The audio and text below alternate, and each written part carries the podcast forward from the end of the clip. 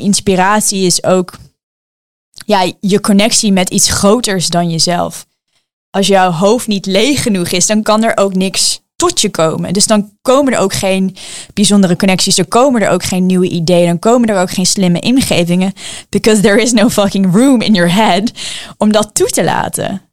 Dus wat ik super belangrijk vind als coach, als mentor, als muze voor mijn klanten is zorg dat je ruimte hebt in je werkweek voor niks. Zodat je dus ruimte hebt om te ontvangen. Hey, dit is de Make It Work podcast. Hier geloven we dat ondernemen fun is, dat het volgen van het boekje sukt en dat je jouw leven kan creëren naar jouw eigen zin. We babbelen met onze gasten alsof we een koffie aan het drinken zijn over alles dat met online business en een vrij leven te maken heeft. Let's have some fun!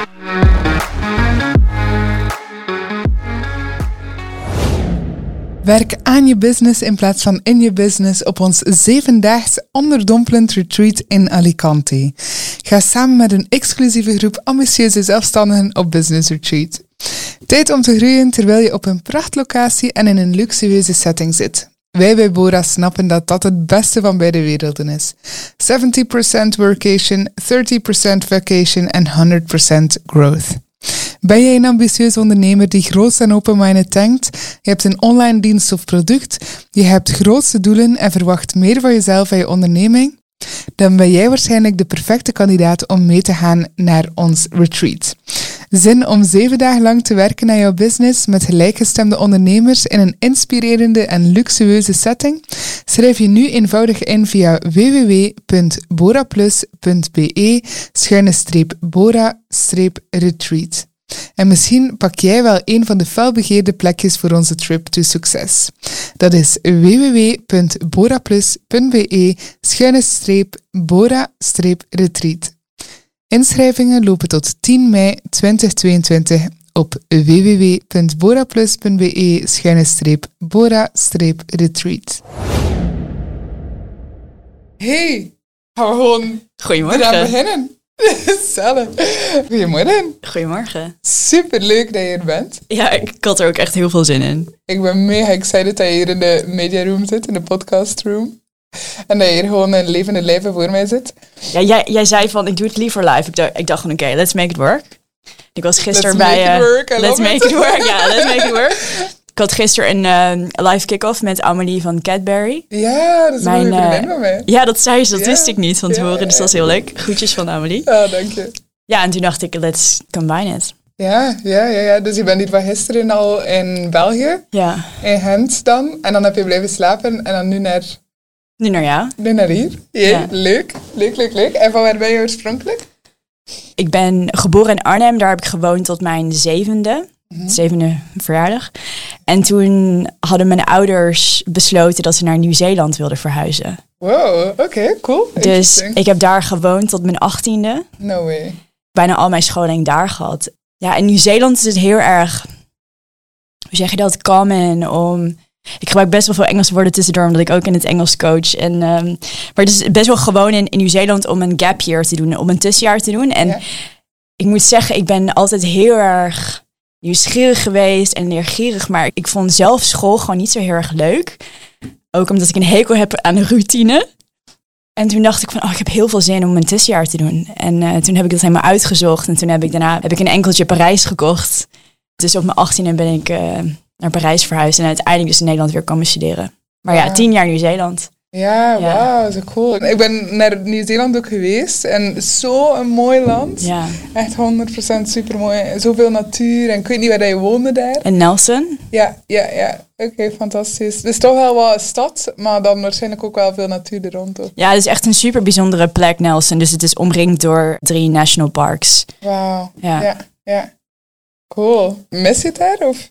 Ik heb echt, ja, zoals meerdere vrouwen of mensen, ik heb wel echt twee kanten. Dus enerzijds hou ik heel erg van city life en musea en het theater en festivals en window shopping en zeg maar mooie spullen, zeg maar echt die kant. En de andere kant ben ik echt een island girl. Dus ik ben opgegroeid op het zuideiland van Nieuw-Zeeland en ja, gewoon de rust en de vogels en de natuur en te gaan hiken. En, ja, dus ik heb heel erg die twee kanten van mezelf. Dus Nieuw-Zeeland mis ik zeker.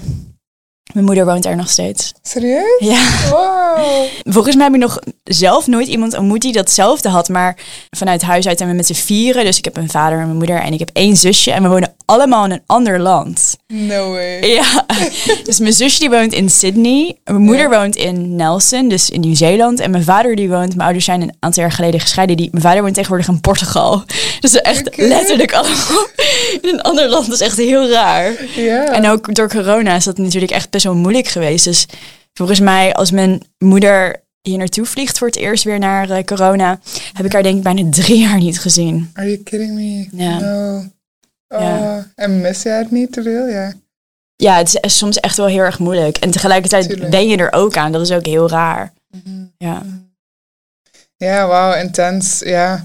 Dus je bent hier nu in, in Nederland eigenlijk. En je doet nu je job, maar dat is waarschijnlijk ook wel een groot deel online. Dus eh, reis je dan ook vaak? Of hoe ziet je levensstijl er dan nu uit? We hebben ja, natuurlijk een aantal jaar pandemie gehad. Dus toen kon er ook niet zoveel gereisd worden. Maar ik, in een ideaal leven ben ik zeg maar zeven weken thuis. En dan ben ik weer een aantal dagen weg. Of wat langer. En ik heb sinds vorig jaar een nieuwe vriend. En hij houdt ook heel erg van reizen. En hij is ook ondernemer. Eh, dus we gaan misschien over een aantal maanden gaan we ook naar het buitenland voor een aantal weken. En dan gaan we daar ook samen werken. En ik hou heel erg van die afwisseling. Mhm, mhm. Ja, dus ik ben echt iemand die ja, nieuwe prikkels, nieuwe inspiratie, nieuwe omgevingen, andere taal nodig heeft om gevoed te blijven. En ehm, ja, daar hou ik heel erg van. Ja. Maar ik, ik ben ook wel iemand die het fijn vindt om een thuisbasis te hebben. Dus dat is ja, Ja, ja, die ja, combinatie. tussen die yin en yang toe. Ja.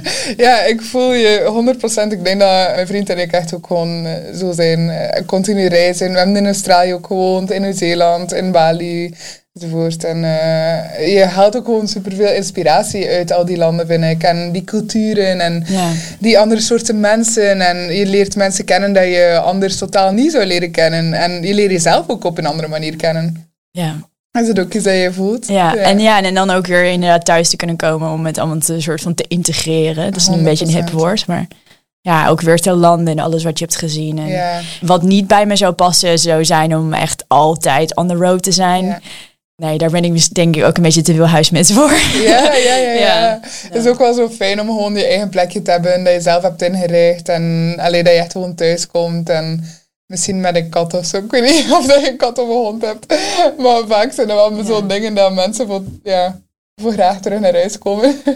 Waar het misschien niet echt goed te combineren valt met een eh, digital nomad lifestyle. Dus Ja, ik moet zeggen, ik heb zelf momenteel geen huisdieren, maar eh, misschien komt er een dag dat er een hele leuke hond is. Maar, ja. Ja. Leuk. Ja, op professioneel vlak dan. Dus je bent coach voor high achieving ondernemers, ook creatieve ondernemers. En vertel een keer heel de journey rond jouw profession. Hoe is dat tot stand gekomen? Waarom heb je Camp Bluff opgericht? Welke soort kanten ja, coach jij?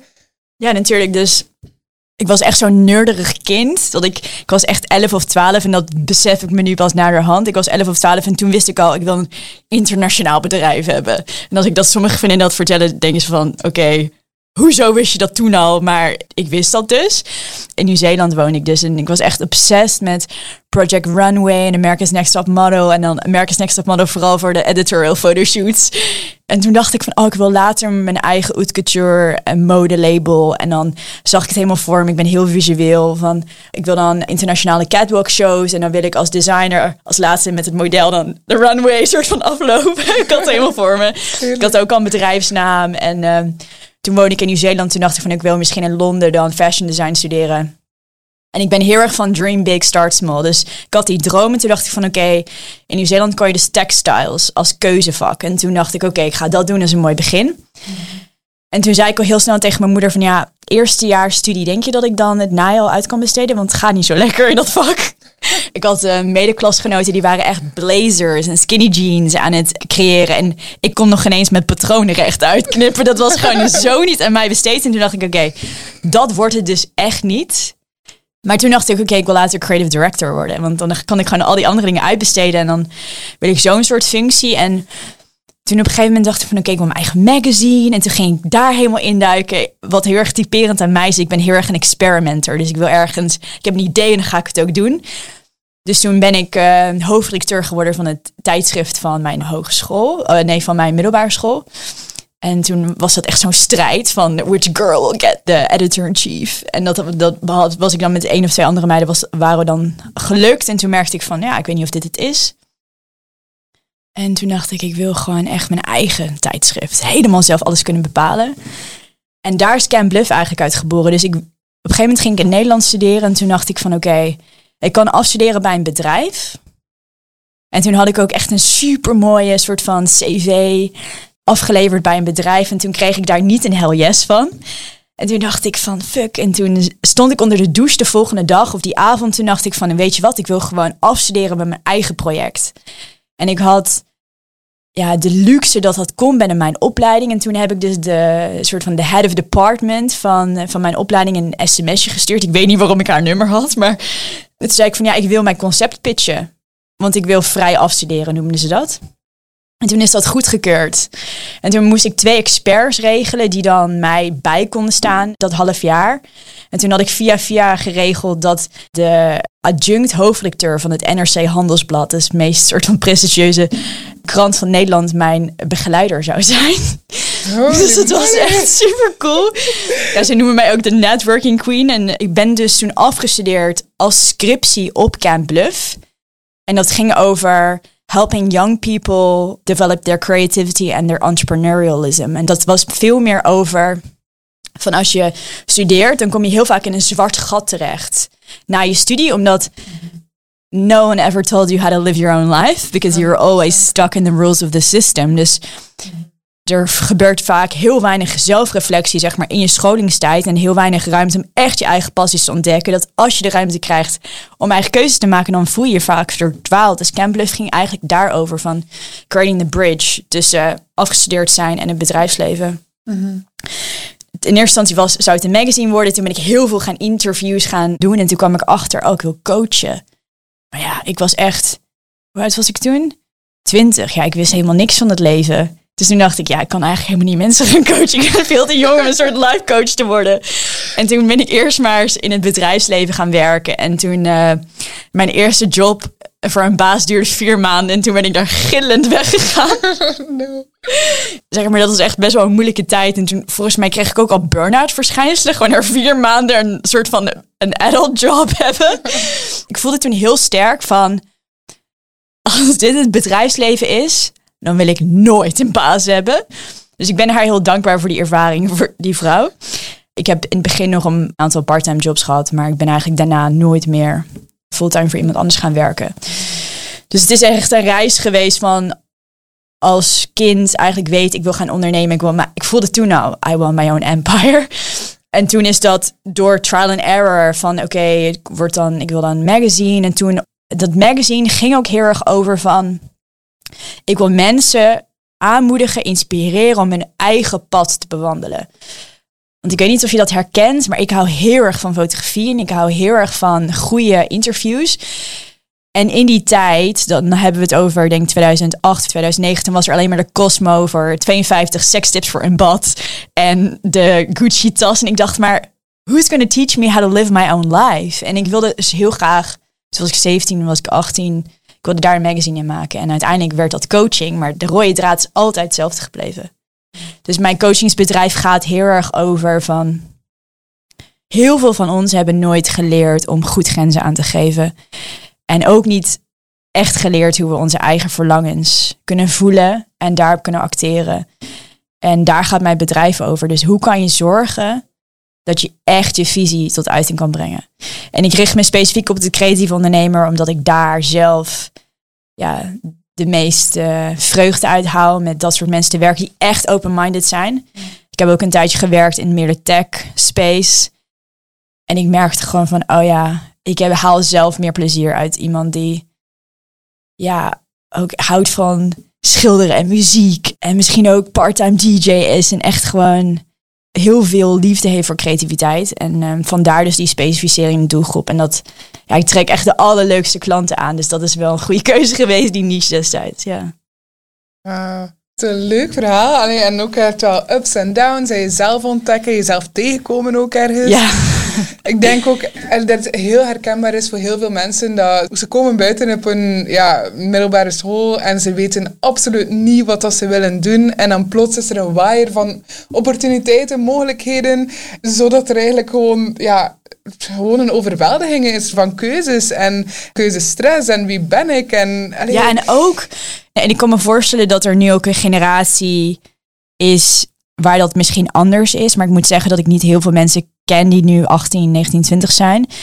Maar ik weet echt nog om me heen, en, en dat zie je soms ook in boeken die verschijnen van dat de generatie misschien ook voor ons en ook een deel van de mensen zeg maar uit onze leeftijd, dat die ook ouders hebben gehad van ja, ga toch maar advocaat worden of ga toch maar dokter worden, want ja, dat is safe of dat deed je vader ook of je broer heeft dat ook gedaan. Dus dus ook heel erg kiezen vanuit veiligheid. Maar als jouw energie en jouw passie en jouw joy niet ergens in zit, dan is dat eigenlijk kan dat een onveilige situatie juist worden. Ook al is het financieel misschien veilig. Dus dat vind ik ook altijd interessant. Dus niet alleen dat er heel veel opportuniteiten zijn. Er zijn ook mensen die vinden dat je beter een bepaalde richting op kan, wat enorm veel frictie kan creëren. Mhm. 100%. En ik denk dat dat een heel grote valkuil is om dan effectief te luisteren naar die mensen dat je eigenlijk altijd hebt naar geluisterd, omdat je, ja, je wordt daardoor geliefd en je kijkt daar ergens naar op en ja, je weet dat zij altijd wel het beste voor jou willen geven. Maar in die end weten zij niet wat dat jij ja, echt voelt van binnenin. En van die gut, we hebben net voor dat we aan het praten waren hier op de podcast gepraat, echt over die gut intuition. Ja, die full body yes. Zeg je hele lichaam van, yeah, let's go. ik vind dat super krachtig dat je dat ook aanhaalt, want dat is ook echt letterlijk wat ik altijd zeg tegen mijn klanten. Dus ik denk dat we daar echt wel 100% ja, alignen of zo. Maar ja, die body yes. Vertel, hoe voel jij dat misschien bij jezelf? Want je hebt zelf een hele journey gehad van, oké, enerzijds dan ja, die director van tijdmagazine tot catwalks enzovoort, maar je kwam toch elke keer op van yes, full body yes, maar dan mm, nee, toch niet door te trial and error. En hoe kom je dan toch tot dat punt dat je zegt van coaching, hell yes, let's do this. And let's launch this part. And let's launch that. And no, let's not do that. Iets wat ik zelf super fascinerend vind, en dat gaat heel erg rond in mijn Instagram-bubbel, is human design. En in mijn human design profiel staat er ook dat ik instinctive intuition heb. Dus ik weet echt zo kan ik voelen van oké, dit voelt heel goed voor mij of niet. Dus ik weet dat ik daar vanuit mezelf al altijd toegang toe heb gehad. Maar ik heb het heel vaak, zoals in het Engels zeggen, I've overridden that feeling. En dat is super interessant. Ik heb het met klanten gehad. Ik heb het met mannen gehad. Ik heb het met nou ja, van alles. Maar wat er dan gebeurt is dat er iets is in mijn lichaam die zegt: nee, nee, nee, nee. Je gaat gezeik krijgen. Dit gaat niet werken. Iemand gaat toch niet tevreden zijn, want jullie zijn toch niet een goede match. Of dit gaat niet goed uitpakken. En dat ik denk: ja, maar het is toch lekker geld verdienen? Dit lijkt wel slim. Maar ik heb dat echt door, nogmaals, trial and error dat moeten leren. Dus doordat ik zo vaak, of nou vaak genoeg, dat gevoel weg heb gedrukt. En het dus niet uitpakte. En als ik dan terugrelateer op alle momenten waarin ik ja, wel een echt een volledige ja voelde. In elk vezel van mijn lichaam. En dat altijd super goed uitpakte. Dat ik op een gegeven moment ging voelen van ja, ik ga daar niet meer tegenin. Natuurlijk gaat het soms nog mis. Maar ik heb ook een keer een klant gehad die tegen mij zei van ja, hoe lukt het jou om zulke leuke klanten te krijgen? En ik denk dat het komt omdat ik ook gewoon als ik een intakeformulier binnenkrijg, ik ben heel erg een energiemens. Ik kan de manier waarop iemand die antwoorden heeft getypt in dat formulier, kan ik al voelen. Iemand kiest volledig voor mij. Of iemand wil gewoon door iemand geholpen worden. En dan zeg ik ook tegen diegene van, ik voel het gewoon niet. En ik kan me voorstellen dat, dat je misschien voor deze en deze persoon wel een match bent. Maar ik bespaar mezelf die samenwerkingen, omdat ik weet dat als ik die loslaat, dat er iemand op mijn pad kan komen waar het wel een volledig ja is. Dus het is, ik weet dus dat ik daar een natuurlijk gevoel voor heb en vervolgens is het echt een soort spiertraining geweest van oké, ik voel het gewoon echt niet. Soms weet ik, want ik heb bijvoorbeeld een recentelijk heb ik een voorbeeld van iets wat als een volledige ja voelde. En dat is niet uitgepakt zoals ik had bedacht. Maar ik heb daar wel een aantal hele belangrijke lessen in geleerd. Ja, maar ik vind het, ik vind het super interessant. Je hebt die persoon voor je en die wil geholpen worden. it's pretty damn hard om een nee te krijgen van iemand ja, dat je eigenlijk denkt van take my money. En ook om zelf als coach te zeggen van no, I don't want to... Ja, ik, ik ben er namelijk, ik ben erachter gekomen dat dit is een woord wat ik echt pas enkele maanden gebruik, maar ik voel, voel het steeds meer eigen, is dat my energy is sacred. Dus als ik niet een volledige ja voel, dan gaat het mijn energie kosten. En dat is denk ik belangrijk om even aan te geven. Dan heeft dat een impact op alles in mijn leven. Dus als ik een klantrelatie aanga waar ik geen volledig ja mee voel, dan kom ik zagrijnig thuis bij mijn vriend. Dan ben ik misschien zo erg in mijn hoofd dat ik een minder leuke vriendin ben voor mijn vriendinnen. Dan kan ik niet slapen omdat ik na het denken ben, oh ik wil het eigenlijk toch stopzetten, maar ik vind het moeilijk, want diegene heeft al betaald. Ik ben zo ver in dat proces om mezelf dat aan te leren dat ik weet it's not worth it. My energy is more important than the money. Omdat het invloed heeft op alles. Wow. Wow, goosebump moment. ik wil nu, want ik herken het zo hard. Wat dat je nu zegt, ik heb zo'n human design app en mijn gut zegt van, lees dat gewoon even voor. dat gaat over gut intuition. En waarschijnlijk heb je het al duizend keer gelezen, maar het is in het Engels. Hè? Is dat oké okay als ik dat gewoon doe? Of course. Alright.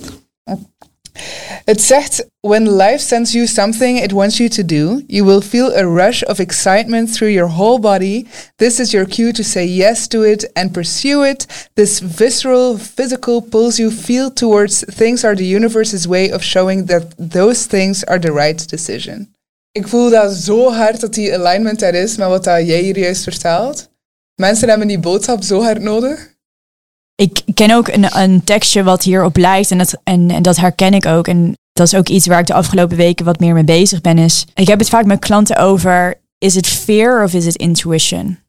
En ze zeggen van, als je daar op een hele intentionele, mindful manier mee omgaat, om echt te voelen van, oké, wat is het? Om een voorbeeld te geven, om het iets meer praktisch te maken. Stel dat iemand een, een mailtje krijgt van, je bent uitgenodigd om te gaan spreken op een event voor 300 andere vrouwen. Kan je. Dan gebeurt er wat in je lichaam. Dan kan het zijn dat je spanning voelt en dat, dat je het gewoon heel eng vindt. En tegelijkertijd, als je, ze zeggen dat intuition whispers. And it only says it once. Of zeg maar, het is niet iets wat zich herhaalt. Maar als het gaat over angst, en als je intapt op het gevoel, dan is fear is contracting. Dus je lichaam wordt kleiner. En angst is, is een stemmetje wat zich blijft herhalen. En intuition is een whisper. En in principe wordt dat mij één keer gezegd. Van, doe het maar. Of ga maar. Dus dat vind ik super mooi. Intuition is expansive. Je voelt je groter. Dat je leven zeg maar op een positieve manier tot uiting kan komen. En fear is contracting. En ik voel dat altijd als een hele krachtige reminder van ja, maar wat is het? En ja, de intuition whispers en en the fear is like more like yelling in your head. ja, dat. Yeah. super empowering. Wauw, echt wel. Want ja, zeker die whisper. Ik denk dat veel mensen gewoon, omdat het net fluistert, niet daar naartoe durven luisteren. En ook vaak, ik denk, ik weet niet of dat jij dat al zo ervaren hebt, maar die whisper, dat er zodanig veel geruis is in je hoofd, dat je zelf geen, dat niet toelaat om naar dat gefluister te luisteren. En dat dat op een bepaald moment die fluister luider en luider wordt en dat je wel, dat dat, dat precies ergens opbouwt of zo, naar van, ah wow, this is it. Ik dank je om gewoon even misschien inderdaad te gaan wandelen of yoga te doen of te mediteren. Om die... Telefoon uitzetten. Ja, om die fluister dan toch ook gewoon te laten binnenkomen. En dan dat aha-moment hebben van, wow, why haven't I been listening? It's been there all along. Ik probeer mezelf er dus ook in te trainen. Dus ik had uh, twee weken geleden, toen moest ik ergens naartoe ik heb zelf geen auto, dus ik, we gingen dus met de bus naar het station. En toen kreeg ik heel duidelijk een signaal door van neem een extra mondkapje mee. Toen dacht ik, waarom? Dat is niet, niet handig. Uh, why? Toen dacht ik, oké, ik ben mezelf aan het trainen, ik neem het mee. stond ik bij de bushalte en toen was er een uh, jongen die was echt een soort van frantically searching for something. En toen dacht ik, hmm, Toen zei hij van, oh, ik ben mondkapje vergeten. ik zei tegen hem van, oh, really? Because I just got a sign from my intuition that I needed to, to take this with me. En toen zei hij van, no, so funny. En, maar daardoor had ik een superleuk gesprek. En het bleek dat hij dus twee huizen verder woonde. En ehm, ik, Ja, ja, dus... dus, voelde of zo. ja, maar dat is, ik vind dat soort dingen super interessant. Mhm. Ja. Ja, ook zo momenten dat je dan zo er niet naartoe hebt te luisteren en dat je dacht van, fuck, zie wel. Ja, dat je gewoon met zo van, neem je paraplu mee. Nee, het gaat Nee. toch niet regenen. Ja. En dan, fuck, kan toch gelijk. Zo. Ja, 100%. Ja, herkenbaar. Maar het is wel leuk dat je erop traint ook. En dat je er gewoon zodanig bewust van wordt. Want dat is niet gemakkelijk. Toch? Ik had er een tijd geleden ook, volgens mij was het eind vorig jaar, een gesprek met. Ik was bij mijn schoonmoeder en ik ging dus met mijn vriend naar de supermarkt om iets te halen voor tiramisu of zo. En toen zei mijn intuïtie van, zij heeft geen eieren thuis. We moeten eieren halen. Maar ik dacht van, I don't want to mess with the plans. So I'm just gonna, I don't want to say anything. En toen kwam zijn moeder thuis. Waarom heb je geen eieren gehaald? Ik heb geen eieren in huis. En toen dacht ik, ik had moeten luisteren. Het was beter eieren mee. ja, dus dat zijn wel grappige dingen. Ja. Ja, absoluut, absoluut. Ja, en ook in business denk ik dat dat, nee, op persoonlijk vlak, absoluut akkoord, maar op business vlak kan dat jou wel veranderen, denk ik, van oké, ik ben hier in een employee job dat mij totaal geen energie heeft en ik ben echt wel, of zelf in, in mijn business, ik ben totaal niet gelukkig met de klanten of met de vibe die ik voel of ik merk dat ik mezelf heel erg hard tegenhoud om iets te lanceren versus, wow, this is flowing. Merk je dat en hoe komt dat tot zijn recht? Merk je dat bij jouw klanten, dat zij daar ook echt wel uitdagingen mee hebben? Of wat ik heel erg merk is dat is het hoe belangrijk het is om een helder hoofd te hebben. Ik ben dus de afgelopen twee, drie weken ben ik heel bewust vier, vijf keer in de week echt die 10.000 stappen aan het halen. Van het maakt niet uit of het 10.000 stappen is of 8.000, maar voor mij is dat echt een soort symbool voor ik ben veel buiten geweest, dus ik voel me beter. En dus die 10.000 is gewoon een soort eh, maatstaf daarvoor. Omdat ik gewoon merk dat als mijn hoofd te vol zit, dan kan ik inderdaad niet bij die intuïtie en heb ik ook minder goede coachings met klanten en is er ook minder ruimte voor inspiratie die tot me kan komen. Slaap ik ook minder goed. Dus het allemaal, allemaal met elkaar connected. Dus ik geloof er heel erg in. En ik ben zelf twee boeken aan het schrijven en ik hoop dat de eerste later dit jaar uitkomt. Dan heet de CEO-dag. En de CEO-dag is een concept en een model wat ik heb ontwikkeld. Wat gaat over een volledige werkdag in de week claimen. Enkel voor jou en jouw CEO-visie, taken, efficiëntieslagen, etc. En de reden dat ik bewust kies voor een dag is dat je hebt gewoon meerdere uren nodig om echt te zakken en te landen in gewoon zijn. Zodat je dus de betere ideeën kan krijgen. En ik geloof erin dat we dus nu in een maatschappij leven waarin we soort van 24/7 beschikbaar zijn. En al die meldingen en al die apps en WhatsApp en Instagram. En er komt zoveel op je af. En je wordt zo erg gevoed door de agenda's van andere mensen. Je wordt zo erg geleefd als je niet oppast. Dat er heel weinig ruimte overblijft voor je zeg maar je connectie met inspiratie. En ik ben een soort van spiritueel uit de kast gekomen vorig jaar. En dat is grappig, want ik had er ooit met een klant over, een jaar daarvoor. Maar ehm, mijn coming out kwam zelf dus een jaar later. Is dat ik geloof dat inspiratie is ook ja, je connectie met iets groters dan jezelf. Als jouw hoofd niet leeg genoeg is, dan kan er ook niks je komen. Dus dan komen er ook geen bijzondere connecties, er komen er ook geen nieuwe ideeën, dan komen er ook geen slimme ingevingen, because there is no fucking room in your head om dat toe te laten. Dus wat ik super belangrijk vind als coach, als mentor, als muze voor mijn klanten is zorg dat je ruimte hebt in je werkweek voor niks, zodat je dus ruimte hebt om te ontvangen. Wauw, ja, ja. krijg echt letterlijk al heel het gesprek goosebumps of zo small tearing ups van ja, preach. 100%, ja wauw. Er was vandaag iemand, eigenlijk gisteren iemand, die mij stuurde en eigenlijk wou bellen, omdat ze zei van kijk ik zit vast bij het feit dat ik ben aan het werken hè, en dat is creatief, dat is schrijven. En ik loop gewoon continu vast op één bepaalde klant. Omdat ik die energie gewoon niet voel. Omdat die persoon feedback heeft gegeven dat ik niet mee akkoord ben. Of dat het niet goed voelt. Of dat ik het heel moeilijk vind om zelf te accepteren. Waardoor dat al mijn werk gewoon stopt. Wat ik al aangeef, dus die ene klant is not worth the money. Because it impacts everything else in your life. 100%. Ja. Ik heb op dat moment gezegd van kijk, eerst en vooral, Charlene Zorg dat je gewoon even pauzeert. Leg alles gewoon stil. Ga naar buiten. Zet je je hoofd leeg. Want zoals hij zelf aangeeft, als er geen ruimte is in je hoofd, dan kan je ook niet creatief zijn.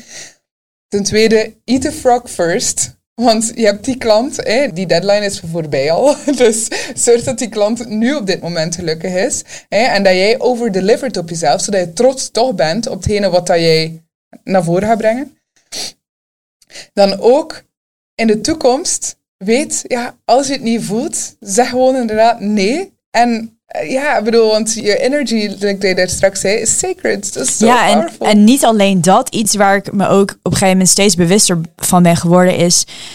als jij er niet volledig in zit, dan ga je ook niet volledig geven... waardoor je ook gewoon slechte referenties gaat ontvangen. Mhm. Ja, absoluut. Maar ik vind het ook wel echt belangrijk om dan zo dat deeltje zo net voor van oké, ja goed, maar ik moet het nu wel echt doen. het is al te laat om, om er nu terug uit te kunnen kruipen. Om dan te tappen in je eigen intuïtie en te zeggen van, of zelf in je eigen inner power ergens van, wow, nee, ik ga hier over deliveren, ik ga hier zorgen dat ze gewoon een meest zijn met wat ik hier nu stuur. En ze stuurden mij letterlijk een half uur voor dat we begonnen met, met de interview van, wow Laurence, ik ben zo blij met die tekst die ik nu heb geschreven, ik voelde mij zo goed en zo empowered en ik heb dat gestuurd en voilà, it's done. En nu kan ik daar ja, gewoon van afstappen, zeggen in de toekomst dat ik er niet meer mee ga verder doen. Maar wow, I did it. Ik had op een gegeven moment van een Amerikaanse coach had ik iets gedownload. Op aanraden van iemand volgens mij. Het was een 2D, een, een soort audiopakket. En dat ene audiostuk dat heet Energetic Hygiene. En het gaat over je, je lichaam, de schone van energieën die niet van jou zijn. Of, of die op hebt gepikt. Of uit gesprekken die niet prettig waren. En, dat, en daar werk je soort van met magneten visualiseren. Dat soort van die energie dan soort van naar het magneet toe gaan. Dat is super interessant. Maar in dat pakket zat nog een stukje audio en die had ik nooit gelezen, omdat de titel mij een beetje triggerde. En toen dacht ik, mm, geen zin in. Maar toen, een paar dagen geleden, toen had ik hem toch aangeklikt en dat was echt precies wat ik nodig had. En dat ging over within limits, you find limitlessness. Dus door, en dat is heel erg mijn thema en dat is super frustrerend, maar wat ik ook hoor in dit voorbeeld is door all in te gaan. Dus you have no other choice. En in dit geval van oké, je gaat all in. En dan kan alles stromen omdat je beslist van no matter what, ga ik mijn beste werk afleveren. En die energie is zo krachtig dat je dan zegt van die stroom komt dan mee. Dat is zo'n boeiend onderwerp in een wereld waarin er zoveel opportuniteiten zijn, zoveel mogelijkheden. Is het zo verleidelijk om alles half te doen. En door wel te beslissen van oké, dit is mijn business. Ik wil niet een uitweg creëren voor mezelf, maar ik ga er volledig voor. En when it's completed, it's completed. En dan kan ik iets anders doen. Maar met alles wat ik nu heb, ga ik ervoor. Ik vind dat dus zoiets moois. En het is tegelijkertijd ook heel erg kwetsbaar. Want als je alles hebt gegeven, dan ben je ook bloot op een bepaalde manier. Alleen ik heb gewoon heel lang zelf, en dat is denk ik wel een mooi onderwerp om aan te kaarten, gewoon heel lang zelf gevoeld van, het is veiliger om niet al in te gaan, om niet alles van mezelf te laten zien. Of in ieder geval alles van wat ik heb in de wereld te zetten. Maar nu kom ik op een punt dat het super frustrerend is. En ik kwam dus een echt super krachtige quote tegen van een business coach in Nederland. Een man die al 20 jaar ondernemer is. En hij zei, het is veel makkelijker om 110% te geven dan 80%. Want bij 110% dan kan alles stromen. En bij 80% krijg je gewoon niet wat je wil. En is er gewoon te veel frictie nog, waardoor het niet kan gaan. En ik, dat is een onderwerp wat ik eigenlijk nog te weinig besproken zie. Maar ik vind het zoiets boeiends. Mm het is pas als we dan effectief in die inner power staan, dat die 110% kan flowen. En ik heb zo vaak het gevoel dat mensen willen hun alles geven. Het is niet dat ze beslissen van, ah nee, ik wil mij echt inhouden in het leven of zo. en ik vind echt wel, eh, en ik ben heel nieuwsgierig naar, naar jouw take daarop, van als mensen klaar zijn om die volgende stap te zetten, maar ze, weet, ze zitten vast en ze voelen dat ze zoveel meer kunnen geven, ja, what to do? What's the next step? Wat houdt er een tegen? Of welke vragen moet ik mezelf stellen? Of en dat is een project waar ze nog helemaal niet aan begonnen zijn. Bedoel je dat? Bijvoorbeeld. Of zelf een, een project dat ze wel al aan zijn begonnen en weten welk potentieel dat er zit, maar dat ze gewoon niet verder die volgende stap nemen naar, naar dat full potential. Ja, een van de dingen waar ik de laatste maanden gewoon steeds meer gesprekken over heb gevoerd is. En dit is wel een beetje cliché, maar ik voel echt dat we dit niet vaak genoeg doen. Erkennen wat er aan de hand is eerst. En waar ik ook heel, dat was onbewust, maar waar ik zelf heel lang tegenaan heb gelopen. En is dat als ik zenuw, zenuwachtig was over iets of iets spannends vond, dan ging ik elke keer dat gevoel maar onderdrukken. Dus van, oh nee, nee, nee, dit voelt niet lekker, ik wil het niet voelen, ik wil het niet voelen. En ik heb dat een keer van een, een hele wijze vrouw geleerd. Is echt die spanning waarin je bijvoorbeeld je niet zelfzeker, zelfgezekerd voelt, dat echt inademen. Dus echt zo. Ze zei toen ook van ja, als je elke keer dat gevoel van ik wil meer, ik wil meer, dat, dat soort van uh, zo'n skippybal waar je vroeger zo uh, of kon spelen als kind, zeg, als waar je een skippybal soort van in bad onder water probeert te drukken en dan wil het zo omhoog. Maar door te zeggen van ik vind het super spannend en ik mag het spannend vinden, want dit is misschien het grootste project wat ik ooit heb opgestart. En vanuit daar kan je lichaam gewoon meer ontspannen om het gewoon, het mag er zijn. En ik denk dat we gewoon zo vaak nog emoties onderdrukken. En als we dat aan elkaar toe kunnen geven van ja, ik vind het gewoon heel erg spannend, dan gaat de druk er ook wat vanaf. En dan is het ook veel makkelijker om een start te maken. En iets wat ik een hele mooie vraag vind. En ik ben zelf een beetje geobsedeerd met Tim Ferriss. Mm. Tim Ferriss heeft ook een podcastshow en hij heeft meerdere boeken geschreven. En ik vind, wat ik heel leuk aan hem vind, is hij is heel oprecht. Hij is echt iemand die heel goed door kan vragen. En ook heel erg de leek meeneemt in interviews. En hij is ook een experimenter. Hij heeft dan een hele mooie vraag waarin hij dus aan mensen stelt van... What would this look like if it were easy? Kan even geen concreet voorbeeld bedenken, maar ik denk dat dat is een hele mooie vraag. En iets anders um, zou bijvoorbeeld kunnen zijn van soms kan één iemand je leven veranderen. Dus ik heb het vaak met mensen ook over sleutelfiguren. Dus van stel dat je een kans zou krijgen in een magazine te komen. Dat zou je hele carrière kunnen veranderen. Wat als je koffie zou kunnen hebben met een bepaald persoon die al een boek heeft geschreven. Dus echt te gaan kijken van wie kan echt een enorme katalysator zijn voor dit proces. Dus dat vind ik een super leuke van wat, wie kan een soort van poort zijn. En wat ik zelf altijd inzet is delen. Dus ik ben een boek aan het schrijven. Ik ben een schrijver. Er komt een boek aan. Eind dit jaar komt er een boek, zeg maar. Dus dat. Dus zeg maar echt het ownen van die nieuwe identiteit. En vanuit daar heb je andere gesprekken. En vanuit daar heb je ook de accountability om iets op te leveren. En daarnaast gewoon te kijken van oké, wat kan ik doen wat echt slechts vijf minuten kost van mijn tijd. Waardoor ik het in gang zet. En daar komt het daar op neer van, enerzijds ik hou ervan dat je zegt die simplicity. Ja. Van maak het simpel voor jezelf. Waarom zo alles moeilijk maken? Waarom altijd de regeltjes volgen? De regeltjes dat ook in marketing bijvoorbeeld zo vaak wordt gezegd. Je moet eerst zorgen voor die e-maillijst met dat free e-book en met die dit en dat. Maar als dat hetgene is wat je tegenhoudt om te lanceren of om iets te doen wat je effectief echt die full body yes op hebt. Ja. Waarom zou je het dan doen? als je nu iemand kan helpen, vandaag bijvoorbeeld, die vijf minuten of die tien minuten door een gesprek te hebben en waarom zou je dat niet eerst doen en waarom zou je daar niet echt volledig in tappen? Want als je daar die full body op hebt en excited over bent, dan ben je letterlijk een signaal aan het sturen naar het universum. Hier wil ik meer van. Ja, en ik denk dat dat heel belangrijk is om hier even op in te zoomen. Is dat, daar heb ik het een aantal jaar geleden ook veel met klanten over gehad. En tegenwoordig steeds minder. Door denk ook mijn doelgroep waar ik op richt. Maar er zijn inderdaad heel veel zogenaamde regels van, oh je kan pas lanceren als je A, B, C, D, E hebt gedaan.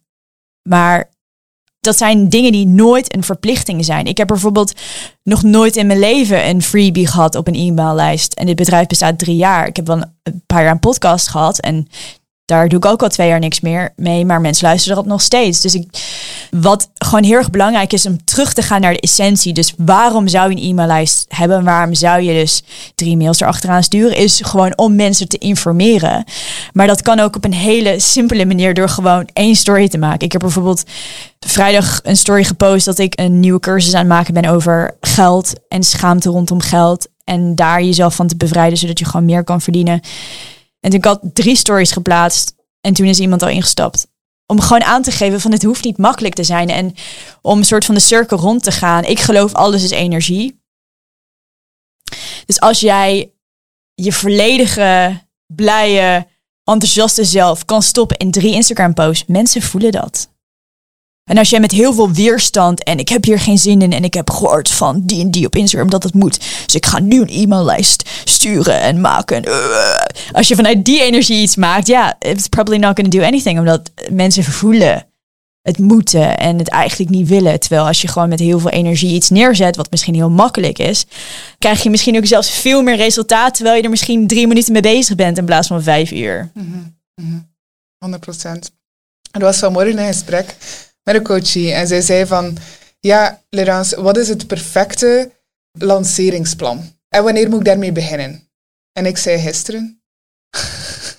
Want het perfecte lanceringsplan gaat nooit bestaan als jij niet de juiste energie erachter hebt. Bijvoorbeeld, als ik iets lanceer of als jij iets lanceert en inderdaad, je voelt, en je, voelt je fucking slecht in je zetel en je I don't know, je hebt buikpijn en je bent op alles en, en, en een hond aan het afgeven van dit en dit en dit is niet goed of het regent en I don't know, je hormonen spelen misschien op en je voelt het gewoon niet. Dan is, het van, dan is het niet het perfecte moment om te lanceren. Ja. Maar misschien voel je net wel van, ah oké, ja, uh, I don't know, maar ik voel dat dat naar buiten komt. Ik heb, ik weet niet hoe geslapen. Ik heb juist een super empowerend moment gehad en, en een super goed gesprek met iemand. En wow, ik ben hier op de wereld om echt wel mijn boodschap naar buiten te brengen. En mensen zijn aan het wachten op mij om effectief ja, dat te ontvangen. Dan, wow, what a different energy. Ik voel al de excitement in mijn body van, ja, oké, let's do it. Laten we inderdaad die story posten of laten we een video maken of laten we weet ik veel, als je zelf alleen meer een schrijver bent, laat ik dan even iets schrijven en naar buiten brengen. Maar die energy dat daarbij komt bij dat promoten, wat dan voor veel mensen zo eng voelt, voelt plots zo bevrijdend en zo oprecht. En zo van, wow, I am here for you. I'm here to serve you. ja, en dat is ook iets wat me altijd heel erg raakt, is dat er de reden waarom je iets in de basis lanceert, is omdat je iets te geven hebt. En doordat heel veel mensen helemaal soort van stak raken in een perfect lanceringsplan, dan stel je dus ook uit datgene wat je eigenlijk wilde doen. Dus je wilde mensen helpen, maar je raakt dus vast in lanceren, dus dan kan je nu mensen niet helpen. En dus je energie gaat ook heel erg verloren. En dat is door gewoon het heel simpel te maken en dat op een hele eigenlijk een makkelijke manier het in de wereld te zetten, dan open je de deur naar dat mensen je kunnen ontvangen en dat die exchange kan starten. Mm En mensen moeten er echt meer in intappen. Ja. In dat gevoel. In van, wow, oké, okay, I'm here to serve. Of I'm here to step into my inner power. En ook gewoon het veel meer zien als een speeltuin. Ik bedoel, tuurlijk zijn er lanceringsplannen die je kan googlen van zoveel keer live op Instagram, zoveel podcasts, zoveel posts, zoveel e-mails. Maar inderdaad, als de energie er niet in zit, dan kan je het bij spreken allemaal in de prullenbak gooien. Mm So true er is niet one way. Als jij onwijs leuke podcast interviewer bent, dan kan je bij spreken één podcast maken wat zo raak is, waardoor 50 mensen instappen. En dat is iets wat ik zo belangrijk vind. Er is no one size fits all strategy. Dat bestaat gewoon niet. En voor sommige mensen kan dat helpen, zo'n plan. Hè? Ja, zeker. Dat dat gewoon gestructureerd is van oké, op die dag moet ik dan een e-mail sturen, dan die dag. Allee, dat kan echt 100% werken voor sommige mensen. Maar voor andere mensen die zich, die zich zo verstrikt voelen door alle regels. Ja, het moet niet benauwend gaan voelen, want dan is het plezier gewoon weg. Ja, ja, 100%. En zo het doen omdat het moet, daar geloof ik echt zo hard niet in. Nee. Ik was Daar zo- is het leven ook echt te kort voor. Ja, dat is echt wel waar. Ik had zo'n podcastcursus gevolgd zelf. En daar stonden er ook superveel regeltjes in. Van, dan moet je de vragen voorbereiden. En dan moet je zorgen dat... je hebt dan zoveel research gedaan daar rond. En, en je moet dat dan doorsturen, een week op voorhand. En ik was zo van... Het, ja. en het voelde ook gewoon niet als mij. En weet je, de drempel om het te vragen aan, aan mensen dat ik super cool vond, zoals jou, om gewoon op de podcast te komen, was zoveel groter. Want wow, die pressure van, ah, dat moet perfect zijn. En ah, je moet al precies een journalist zijn om de juiste vraag te stellen. Versus van, oké, wacht, laten we een keer alles overboord horen en ontleren wat dat we kennen.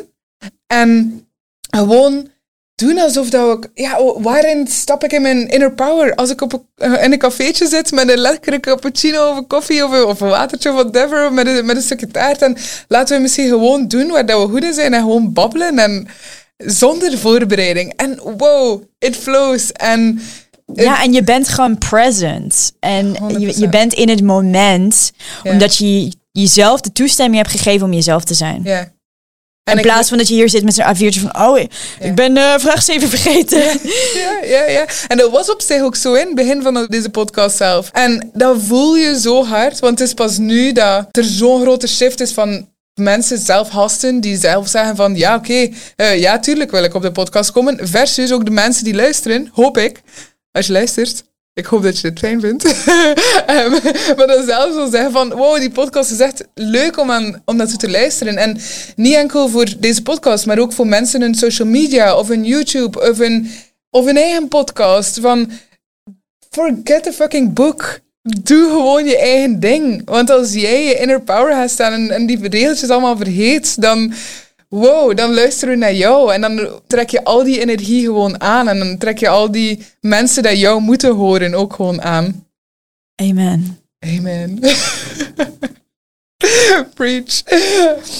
Als jij denkt aan jouw toekomst. En wat denk je dan?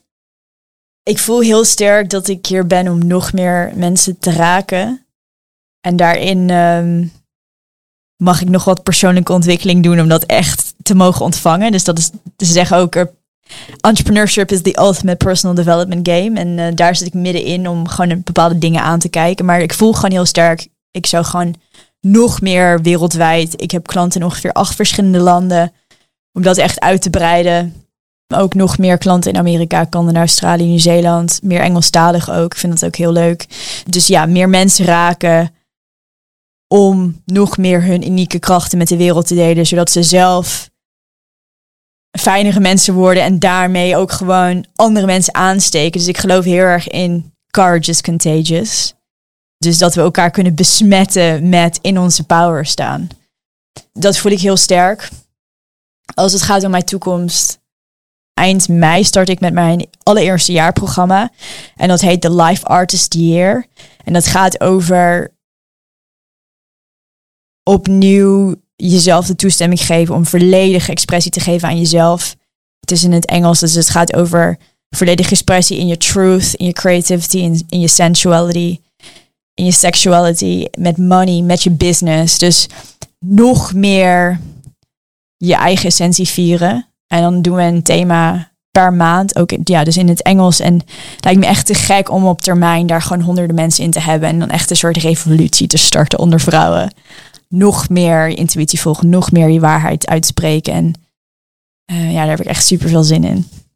Ik heb zo direct het gevoel van dat hier, hier perfect bij past, van dat er zoveel ruimte is voor iedereen om hun eigen berg te beklimmen. En dat je zelf zegt van, oké, ik wil hier honderden mensen gaan helpen en, en, en zorgen dat zij in hun intuïtie stappen. Het is zo bevrijdend om ergens te gaan voelen van, wow, ja, let's empower each other. En laten we gewoon samenkomen om niet uit vier van, want dat merk ik heel, heel erg hard bij jou, dat jij echt wel uit die abundance aan het praten bent. Van, kijk, als ik in mijn inner light kan stappen, dan kan ik zorgen dat er zoveel meer energy naar hun ook komt en dat zij dat ook kunnen. En ik visualiseer dat heel erg hard met een toren met champagneglazen. en de overflow. Ja, dat jij letterlijk de eerste, de bovenste champagne, het bovenste champagneglas bent. En dat die champagne gewoon float. En hoe meer dat dat glas gevuld is, hoe, hoe gemakkelijker dat, dat gaat om die champagne gewoon te laten overflowen inderdaad naar de andere glaasjes en de andere cups. Ja, en dat is echt super mooi dat je dat teruggeeft. Dat heb ik altijd gevoeld van I'm inspiring other people to step in their light. And when I step into my light, I'm not taking away from someone else's light. Dat gewoon heel sterk. Ik ga een keer naar de andere kant gaan, denken van die quote dat zegt van somebody else's success is not meaning the absence of your own. Dat is exact wat ik voel bij dit hoofdstuk van dit, van dit gesprek. Want ja, ik geloof dat zo vaak er een ding is van jaloezie dat totaal niet hoeft. En dat mensen, als ze kijken naar iemand, van wow, why am I not having this? En waarom heeft die persoon dat wel? Dus echt zo kunnen beamen van, zij toont dat het mogelijk is. En zij is effectief in, haar, in full potential aan het gaan. En haar succes betekent niet the absence of mine. En dat is een, een reminder dat we onszelf voortdurend moeten stellen, want op sociale media is het zo gemakkelijk om in die trap te vallen van, van vergelijking. En dat hoeft totaal niet. Ja, dat geloof ik heel erg van. We're here to show each other what's possible. En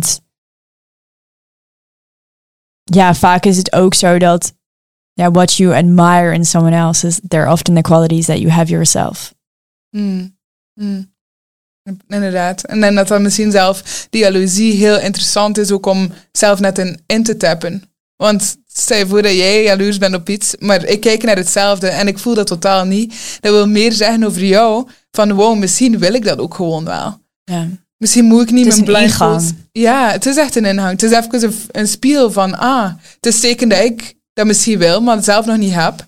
En er nog niet ben ingetapt of zo. Er is ook iets waar ik best, uh, ja, toen was ik volgens mij nog niet begonnen met studeren. En ik weet nog dat ik toen begonnen was met, ik heb ook een tijdje gefotografeerd. En er waren uh, fotografen in, in Parijs en in, in België die, die onwijs mooi werk maakten. En die op een gegeven moment ook gevraagd werden door grote merken. En ik dacht echt zo van, waarom ben ik nog niet zo ver? En toen ben ik op een gegeven moment een keer uit nieuwsgierigheid, en was nog in de blogger tijdperk dan ben ik helemaal teruggescrolld naar hun allereerste post. Gewoon echt jaren terug. En toen zag ik van, zij hebben gewoon, laten we zeggen, drie jaar lang elke dag gepost. Hun nieuwe fotoshoots. En toen dacht ik, I didn't do the fucking work. Hmm. Ik heb gewoon niet ik heb bij spreken vier fotoshoots gedaan en denk ik, waarom ben ik er nog niet? En zij hadden gewoon drie, twee, drie, vier jaar lang hadden ze elke dag werk gemaakt. En toen dacht ik, er is ook zo'n mooie uitspraak van, you cannot reap from the seeds that you didn't sow. En dat, is denk ik ook een mooie reminder dat, ja, do the work. Ja, absoluut, do the work. En weet je, ik denk als je je passie vindt en vooraleer dat de regels zo gezegd er bestonden van Instagram, van je moet elke dag posten en, en je moet elke dag een, blog maken. In het begin waren er ook mensen die dat gewoon deden zonder iets terug te verwachten. En zonder te weten wat dat er aan die other, other end of the tunnel was. Ze deden dan gewoon het passie. Ja, precies. Ik bedoel, niet, ik bedoel misschien goed om dat even te nuanceren. Ik bedoel niet van post every day on social media. Ik bedoel van master your craft. Ja, dat. Ja, ja. En toevallig hadden, hadden zij dus gedeeld that they were mastering their craft. Maar het gaat er meer om dat ik zelf dat soms ook heb. Dat ik denk van, oh, waarom ben ik daar nog niet? Komt ook omdat ik gewoon twee, drie jaar minder heb gewerkt. En soms kan je natuurlijk, ja. heb je een mazzel gehad en heb je, kan je een afslag nemen waardoor je dingen over kan slaan, maar meestal niet. Zo van, there are no shortcuts, really. There aren't. Ja. ja. En dat is inderdaad prioriteiten stellen en zeggen van, wow, inderdaad, allee, misschien... Ja, Een uurtje minder Instagram. Ja, stop de Netflix. of lessen het. Of doe het wel, maar dan met de juiste intentie. En focus on what you really want. Ja, ik denk dat we het er straks ook al hebben aangehaald. Die continue prikkels dat we hebben van die gsm.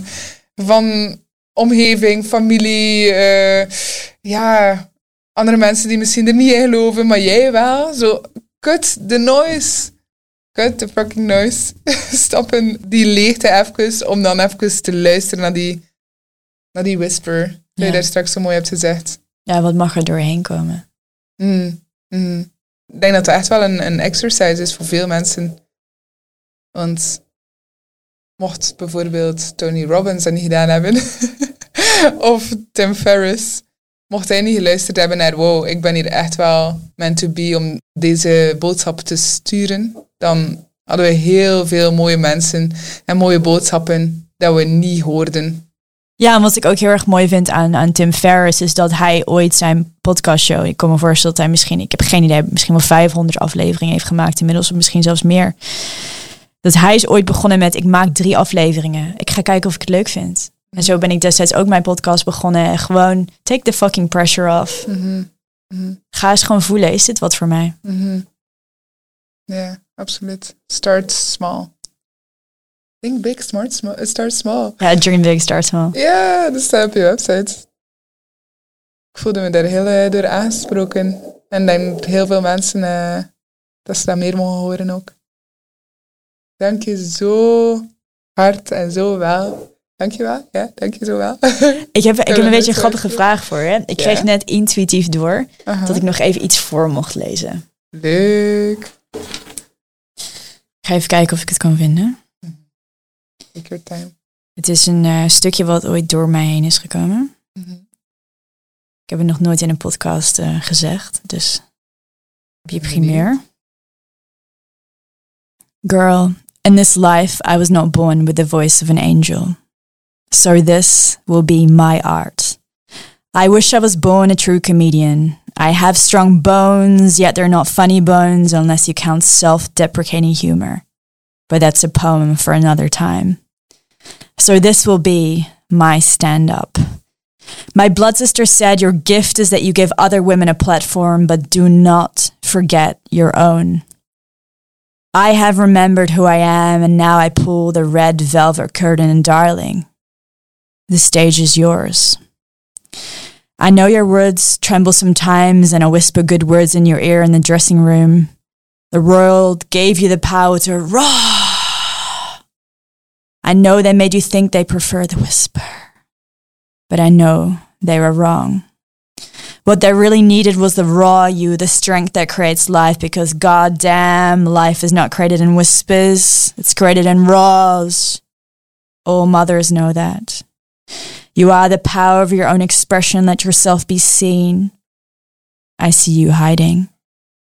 Time to come out. Your soul feels the yearning, and everything it senses says, Darling, it's time. Thank you so much. Alsjeblieft. Ik hoop dat mensen dat voelen door hun hele lichaam en door hun hele bones. Heb je die zelf geschreven? Ja, die heb ik zelf geschreven om eh, iets van half drie s'nachts een keer kwam het door me heen. Serieus? Wat is de reden waarom dat je dat nog nooit hebt gedeeld? Ik heb het wel een keer op mijn Instagram gezet en ook een paar keer live geperformed. Maar nog nooit in een podcast, dus eh, alsjeblieft. Dank je wel aan te delen. Wat heb je het gevoel dat je nog zeker wilt delen? Met ons, met de gasten, met de luisteraars? Ik geloof zelf niet in, eh, in God zoals in het christendom, maar ik geloof wel dat we op aarde zijn met unieke talenten. En ehm, het zou echt zonde zijn als je die niet inzet. Dus mijn uitnodiging naar jou is, ehm, ja, welke talenten ben je nog steeds aan het verstoppen? Because the world needs them. Nou, amen to you. Dankjewel Anne voor dit verhelderend en empowering en full body language en de passie dat je deelt met mensen en de, het voorbeeld ook voor veel mensen dat je heeft en dat jij ook gewoon de toestemming geeft aan andere mensen om in hun inner stance te staan. De wereld heeft gewoon meer nood aan mensen zoals jou. En Zoals jullie. Dat is lief. En keep doing what you do en expand, want dit hebben veel mensen nodig. Dankjewel. Dank voor de uitnodiging. Heel veel plezier. To be continued. To be continued. Yay. Tot straks bij onze lunch. Let's grab some lunch. Ja, leuk. Dankjewel. Misschien nog om af te ronden, op welke eh, sociale media kanalen kan je Kan Bluff en Anne vinden? Ja, dus ik ben eh, erg actief op Instagram. Eh, niet vanuit moeten, maar omdat ik het heel erg leuk vind. Het is een soort van mijn online magazine. Eh, dus dat is Bluff aan elkaar. Dus C-A-M-P-B-L-U-F. Ja, dat is de belangrijkste plek. Ik zit ook op LinkedIn. Daar post ik heel af en toe. En ik heb een website. En via de website kan je ook aanmelden voor de nieuwsbrief. Waar ik soms eh, hele intense, waardevolle nieuwsbrieven schrijf. De newsletter heet dat tegenwoordig. Connecting with your inner muse. Misschien tot daar. Absoluut. Ik ga alle links in de description zetten. Dus als jullie uh, gemakkelijk dat willen vinden, dan please do. I invite you to. En tot de volgende keer. Wat een geweldige episode was me dat weer. Ik heb er keihard van genoten en hopelijk jij ook. Laat ons gerust weten via Coworking, via Instagram of via iTunes Reviews wat je ervan vond. En tag ons zodat meer mensen zoals jij onze podcast kunnen ontdekken. Speak soon. Ciao, ciao. Bye bye.